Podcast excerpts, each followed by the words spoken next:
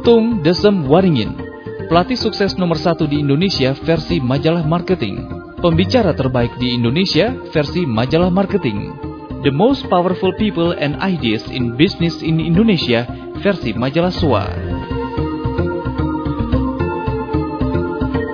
Financial Revolution Series.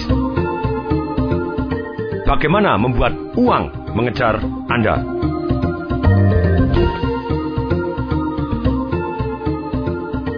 Sebelum saya membahas bagaimana caranya uang mengejar kita, sekarang saya mau tanya dulu. Enak mana di dalam hidup ini kita mengejar-ngejar uang atau kita biarkan uang mengejar kita? Pasti jawabannya sederhana sekali. Lebih enak uang mengejar kita. Seperti peribahasa Cina, dikatakan bahwa uang itu kakinya empat. Sedangkan manusia kakinya dua. Apabila yang kakinya dua harus mengejar yang kakinya empat, biasanya kita ketinggalan. Tapi kalau kita bisa membuat strategi sehingga yang kakinya empat, uang tadi mengejar kita, kita akan jauh lebih nikmat dalam menghasilkan uang. Rata-rata manusia pada umumnya ketika mereka lahir dan kemudian setelah sekolah, kemudian akhirnya bekerja, mereka sibuk seumur hidup mengejar uang. Karena mereka sibuk mengejar uang, mereka tidak pernah memikirkan strategi bagaimana uang mengejar kita.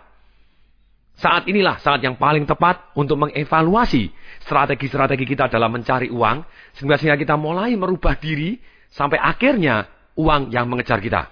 Anda siap untuk belajar?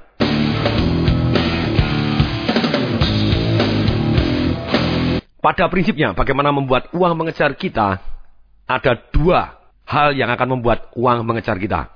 Satu, kita harus mempunyai keyakinan atau money blueprint atau success blueprint yang tepat sehingga, uang mengejar kita. Kemudian yang kedua adalah punya strategi yang tepat sehingga, sehingga uang mengejar kita. Kita akan bahas terlebih dahulu. Rata-rata orang kepingin sekali langsung menjadi kaya. Bisa tidak? Jawabannya adalah bisa. Kita bisa langsung kaya. Hanya saja misalnya kita terima warisan atau kawin dengan orang yang kaya. Atau kemudian terima undian atau seperti Mike Tyson, kemudian pada waktu dia tinju, sekali tinju dapat income yang begitu luar biasa. Bintang film dapat income yang begitu luar biasa sekali main film. Pada dasarnya orang bisa dari biasa-biasa langsung jadi kaya, bisa. Tapi kalau orang tadi tidak punya keyakinan yang tepat, hasilnya tidak konsisten. Oke, mari kita bahas. Bagaimana perlunya kita merubah keyakinan kita menjadi keyakinan yang tepat. Atau money blueprint kita yang tepat. Atau sukses blueprint kita yang tepat. Ketika orang kepengen merubah hasil, nomor satu yang harus dirubah adalah tindakannya. Sekali lagi saya garis bawain, kalau hasilnya mau dirubah, kita harus merubah tindakannya.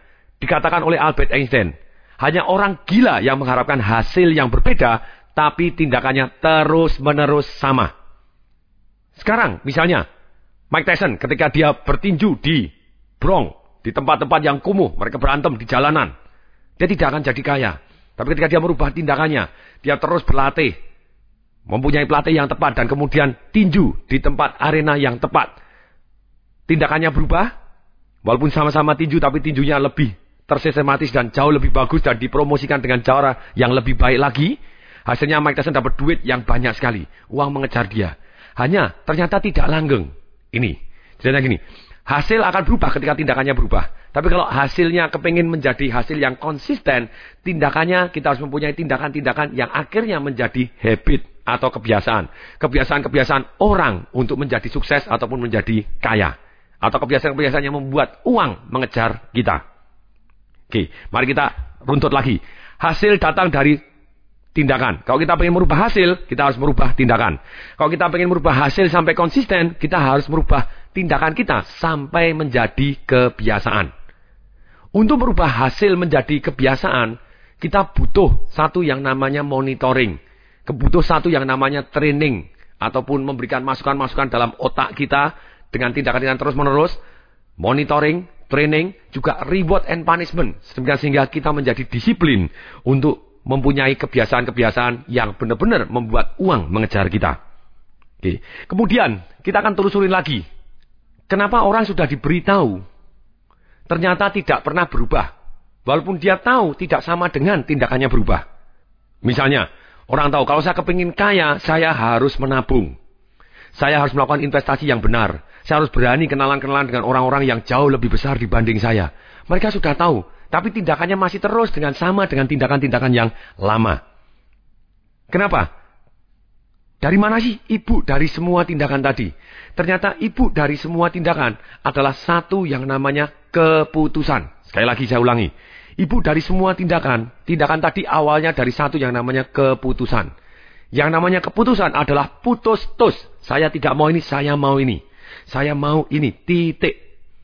Nah ketika orang sudah sampai keputusan yang putus tus, apa yang jadi? Keyakinannya berubah total, tindakannya berubah total, hasilnya juga berubah. Dia bisa menjadi money magnet atau menjadi magnet terhadap uang yang membuat uang mengejar kita karena dia ambil keputusan bahwa uang akan mengejar dia.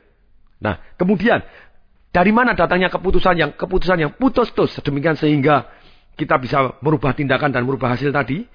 Ternyata kombinasi dari pikiran dan emosi. Datangnya keputusan tadi adalah kombinasi dari pikiran dan emosi. Ada prinsip-prinsip berpikir seperti yang saya ceritakan. 24 prinsip miliarder yang mencerahkan.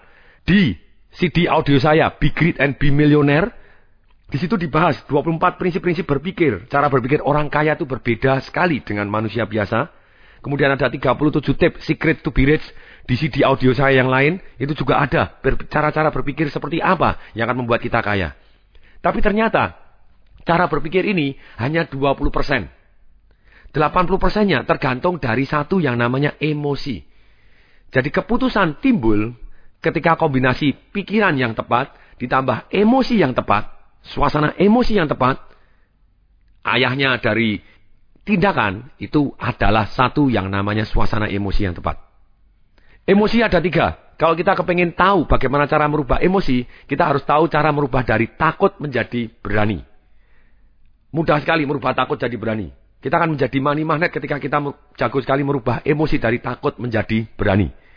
Rata-rata orang tahu, yes saya harus berkenalan dengan orang yang dahsyat ini. Saya harus berani neraktir makan siang. Saya harus belajar kepada orang ini. Saya harus bekerja sama dengan orang ini. Saya harus berani seperti ini. Saya harus berani menyapa orang ini. Tapi rata-rata yang menghambat manusia adalah rasa takut. Itu yang paling menghambat manusia. Bukan tidak tahu.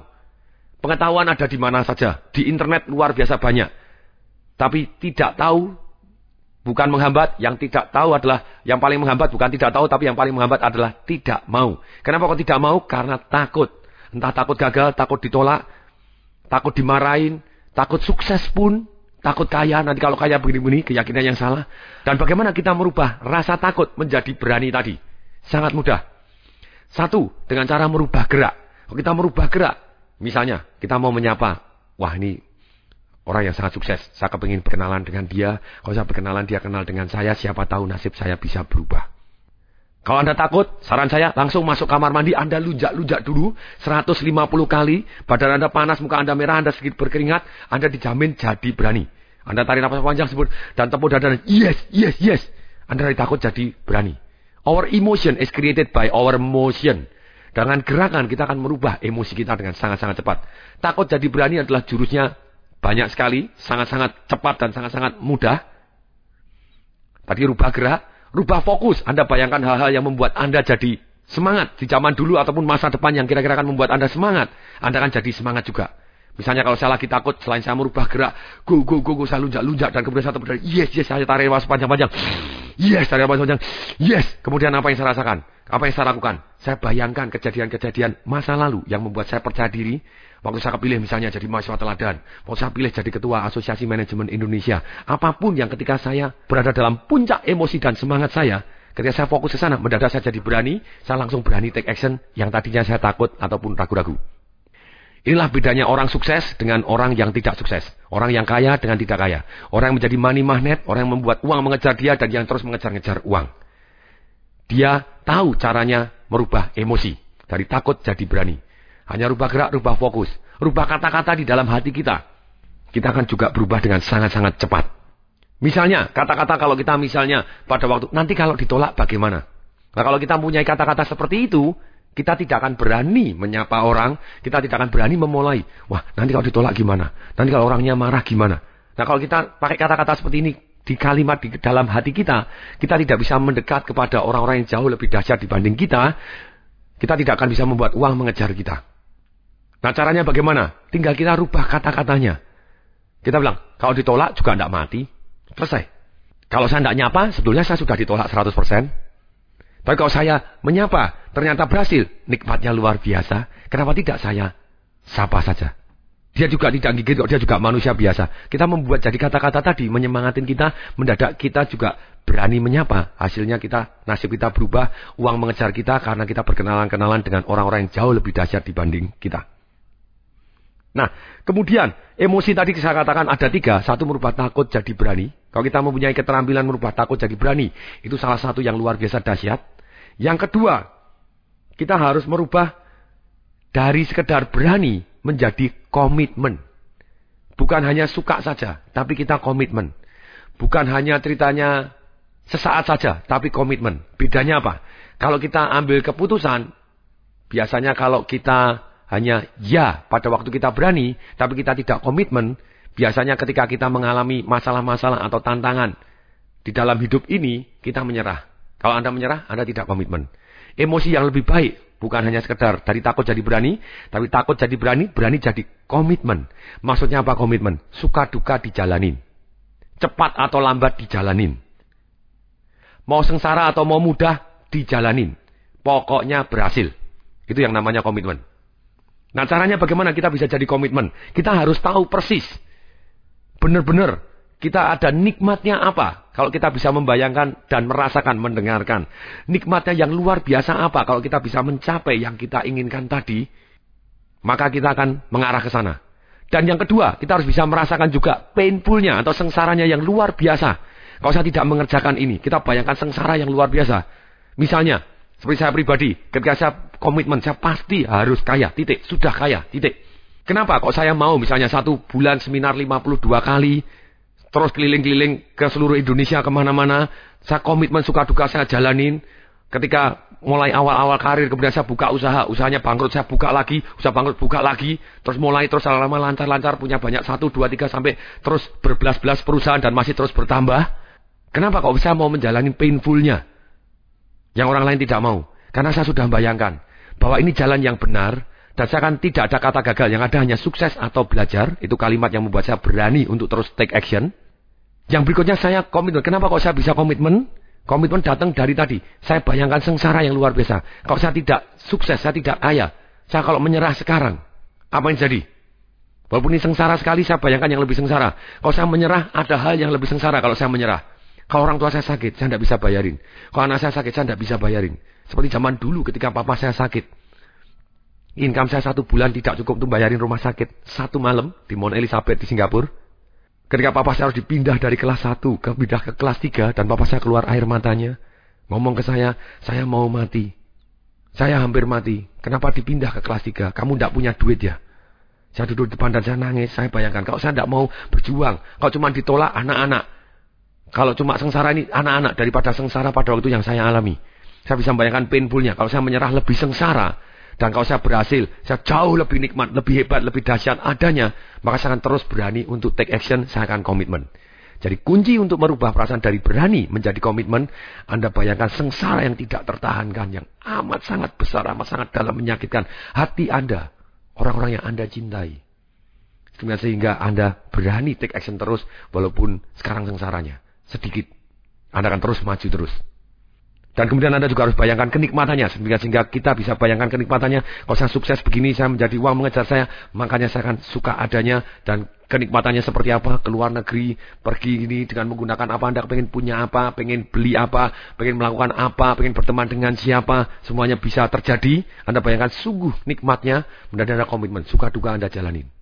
Dan Anda tahu bahwa itu jalannya. Kemudian berikutnya, level ketiga dari sisi emosi. Takut jadi berani lumayan daripada takut terus. Berani jadi komitmen lebih baik. Tapi komitmen ada satu perasaan emosi lagi yang sangat luar biasa, yang sangat dibutuhkan oleh manusia, yaitu perasaan diimani. Jadi kita sudah mengimani apa yang kita secara emosi kita sudah merasa terima kasih Tuhan, sudah.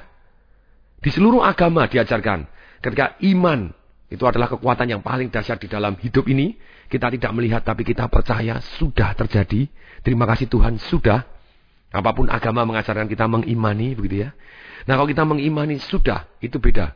Kalau dari takut jadi berani, Anda merubah kata yes, yes, yes, yes, yes. Anda rubah fokusnya, Anda rubah inputnya, rubah kata-katanya. Nah kemudian berikutnya, ketika Anda mau komitmen, Anda bayangkan kalau saya menyerah, lebih sengsara lagi, tidak karu-karuan, tidak bisa tertahan kan?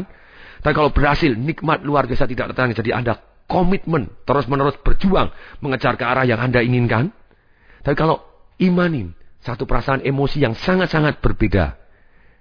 Jadi bukan, yes, yes, yes, harus bisa, pasti bisa, pasti bisa. No, tapi kita sudah mengimani, kita merasa, terima kasih Tuhan. Sudah. Oh, yes. Terima kasih Tuhan. Oh, yes. Jadi bukan hanya visualis saja kita bayangkan, tetapi secara emosi, secara perasaan, kita mengucapkan, terima kasih Tuhan. Oh, yes. Kita sudah bisa merasakan bahwa kita sudah punya yang kita inginin tadi. Dengan kita kongkruan bulat. Dikatakan oleh pakar-pakar dunia termasuk Bob Proctor, termasuk Jack Canfield. Bob Proctor yang ngajar Secret to be Rich, kemudian Jack Canfield yang ngarang buku dengan Mark Victor Hansen ngarang buku Chicken Soup on the Soul yang sudah laku sampai hari ini 144 juta buku begitu ya. Dan dia mengajarkan jelas sekali, imanin ini itu adalah apa yang kita bisa pikirkan dan kita bisa rasakan kebenarannya. Nah ini, merasakan kebenarannya ini itu adalah bagian dari iman bahwa itu sudah terjadi, maka akan dibikan. Ini kata-kata yang luar biasa, saya ulangi sekali lagi. Apa yang kita bisa pikirkan, dan kita bisa rasakan kebenarannya di dalam hati kita, maka akan diberikan oleh Tuhan kepada kita. Atau kalau mau bahasa yang lebih sederhana, apa yang kita pikirkan, kita bisa rasakan di hati kita kebenarannya, maka kita bisa pegang di tangan kita. Itu adalah kekuatan yang paling dalam untuk iman. Nah, bagaimana kita bisa mempunyai pikiran dan emosi yang tepat? Rata-rata manusia, walaupun pikirannya dan emosinya tepat, saya bisa rasakan, oke terima kasih Tuhan, ini begini. Nah, caranya bagaimana supaya kita bisa mempunyai iman yang seperti itu tadi? Atau istilahnya bulat antara pikiran dan perasaan. Sehingga, sehingga kita menjadi attract atau menarik apa pun yang kita inginkan. Atau membuat uang mengejar kita.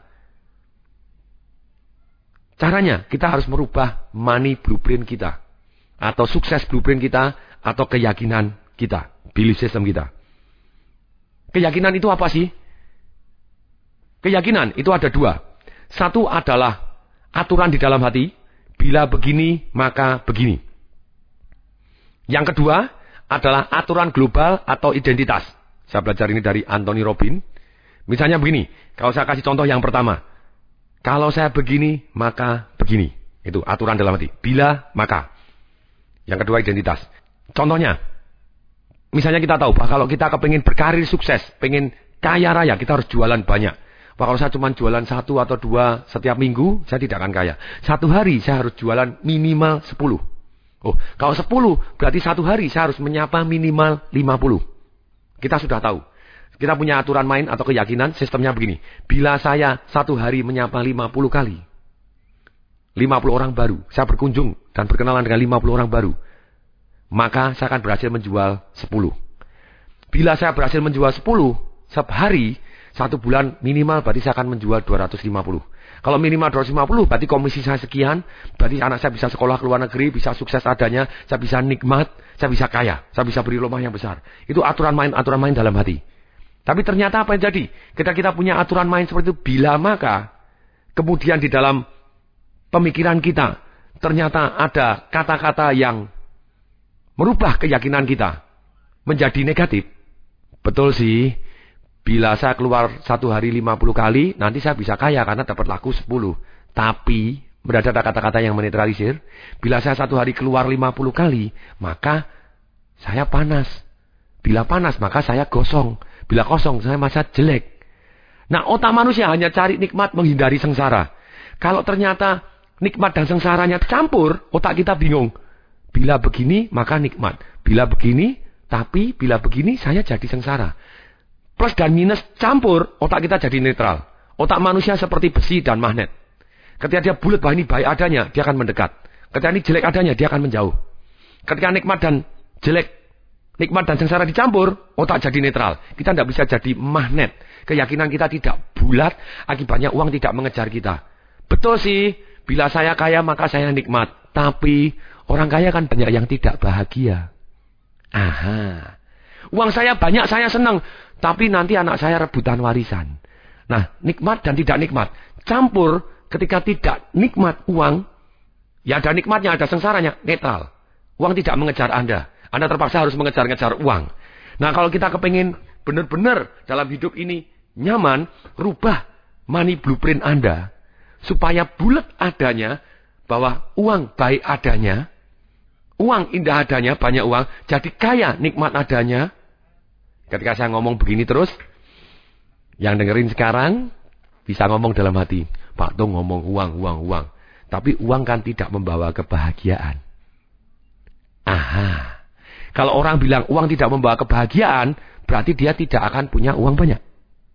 Dia punya keyakinan-keyakinan yang menetralisir arti penting uang atau arti penting menjadi kaya. Akibatnya uang tidak mendekat ke dia. Kalau uang mendekat ke dia, dia juga tidak tahu, dia tidak peka, malah dia menghindar. Jadi akibatnya apa? Uang tidak bisa nempel ke dada dirinya dia sendiri. Nah, sekarang kalau kita ingin menjadi money magnet, kalau kita ingin merubah, benar-benar membuat uang mengejar kita. Kita ingin merubah hasil, kita harus merubah tindakan. Merubah tindakan berarti merubah keputusan. Merubah keputusan berarti merubah pikiran dan emosi. Untuk merubah pikiran dan emosi supaya kita berhasil ambil keputusan yang bulat-lat.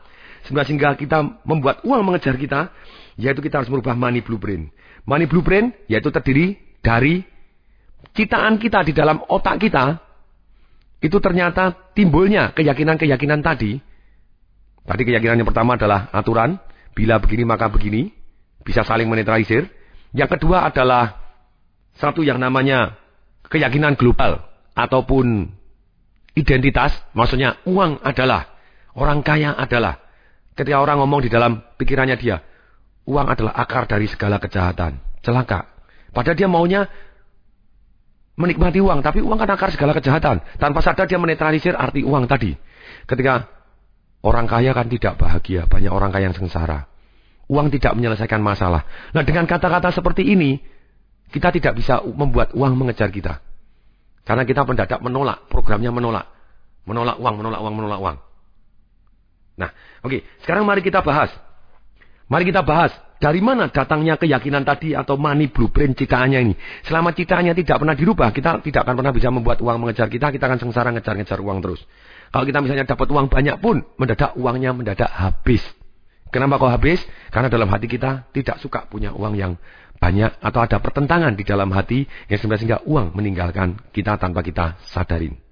Nah, datangnya money blueprint ini adalah dari tiga hal saja. Satu, dari apa yang pernah kita dengarkan pada waktu kita masih kecil sampai hari ini, tanpa sadar membuat cetakan di dalam otak kita dan di hati kita. Yang kedua, adalah apa yang kita lihat Manusia selalu meniru orang lain tanpa disadarin. Disadarin atau tidak disadarin, mereka akan meniru. Tanpa sadar cara ngomong kita mirip ayah kita, cara jalan kita mungkin mirip kakak kita. Semuanya ada kata-kata yang tanpa sadar mirip yang kita digunakan juga oleh saudara-saudara, nadanya juga hampir sama. Tanpa sadar kita benar-benar mirip dengan orang-orang di sekitar kita tanpa kita sadarin. Kita melihat dan kita mencontek tanpa kita sadarin ataupun dengan kita sadarin. Yang ketiga, yang membentuk citaan di dalam otak kita, citaan uang atau citaan sukses di dalam otak kita adalah trauma-trauma perasaan yang kita alami tentang uang ataupun tentang kekayaan yang disadarin ataupun tidak disadarin. Membuat kita mempunyai keyakinan seperti tadi, mempunyai money blueprint seperti tadi. Oke. Nah, sekarang mari kita rubah money blueprint kita. Siap? Kalau siap, please, tolong tulis keyakinan-keyakinan kita tentang uang selama ini yang entah pernah kita lihat atau pernah kita dengar atau pernah kita rasakan yang membuat kita menjadi anti atau negatif terhadap uang apa pun. Misalnya begini, kalau yang kita dengar uang adalah akar dari segala kejahatan, kita tulis uang adalah akar dari segala kejahatan. Apa pun yang negatif tentang uang, yang mungkin kita pernah dengar aja tanpa sadar membekas di otak kita. Misalnya yang pernah kita dengar lagi. Uang itu tidak tumbuh di pohon. Uang itu nyarinya sulit. Makanya harus hemat. Susah. Usaha itu harus punya modal. Harus kerja keras baru dapat uang. Pak, itu kan positif. Tunggu dulu. Kalau Anda merasa harus kerja keras, berarti Anda harus kerja keras terus gitu ya. Bisa nggak kita kerja cerdas dan dapat uang banyak, membuat uang mudah mendapatkan kita? Kalau kita menganggap bahwa cari uang itu sulit, terjadilah. Itu citaannya. Ada cara gampang Anda tidak mau. Oh kalau ada gampang itu pasti tidak halal. Padahal belum tentu. Ada yang gampang dan halal. Tapi selama citaannya, blueprintnya, bahwa cari uang itu adalah sulit, yang gampang adalah tidak halal, maka kita akan cari yang sulit. Tidak akan cari yang gampang dan halal. Ada gampang dan halal pun selalu kita curigain bahwa itu tidak halal. Nah ini kita akan celaka. Itu blueprintnya harus dirubah, benar-benar dirubah. Oke. Nah sekarang juga kejadian-kejadian apa yang pernah Anda lihat tanpa sadar membuat jadi pola hidup Anda hari ini. Percaya atau tidak, cara Anda mengelola uang hari ini atau cara Anda ambil keputusan hari ini plus minus. Kalau bukan sama persis dengan orang tua Anda, berarti berlawanan 180 derajat dengan orang tua Anda.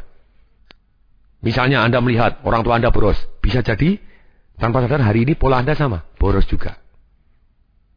Atau bisa jadi Anda ketika melihat orang tua Anda boros, sampai kere, akhirnya Anda janji pada diri sendiri, saya akan ngirit sekali, pelit luar biasa, karena orang tua Anda boros sekali, makanya sekarang Anda pelit luar biasa. Nah kemudian, sebentar lagi, jadi akan saya cut supaya semua take action, apa yang pernah Anda dengarkan, apa yang pernah Anda lihat, pola-pola seperti apa yang membuat Anda jadi tidak kaya, tidak membuat uang mengejar atau uang jadi sulit. Kemudian yang ketiga, trauma-trauma apa? Saya kasih contoh misalnya, waktu seminar Financial Revolution saya ada pegawai negeri, Oh ya Pak, saya punya pengalaman trauma, pernah saya lihat dan saya pernah dengar. Apa itu? Orang tua saya pada waktu itu pegawai negeri, dia ngumpulin uang sudah bertahun-tahun, punya duit, akhirnya dia mulai bisnis, walaupun masih jadi pegawai negeri. Tapi apa yang jadi? Dia ditipu oleh temannya. Setelah ditipu oleh temannya Pak, kita diubur-ubur karena waktu itu kita punya utang banyak. Rumah kita dilemparin batu Pak. Dan saya dengar papa saya ngomong, Nah, jangan bisnis, bisnis itu berisiko jadi pegawai negeri jauh lebih aman. Saya tidak menentang Anda jadi pegawai negeri, manusia tetap di Indonesia tetap butuh pegawai-pegawai negeri yang mengabdi. Kalau itu panggilan Anda, silahkan.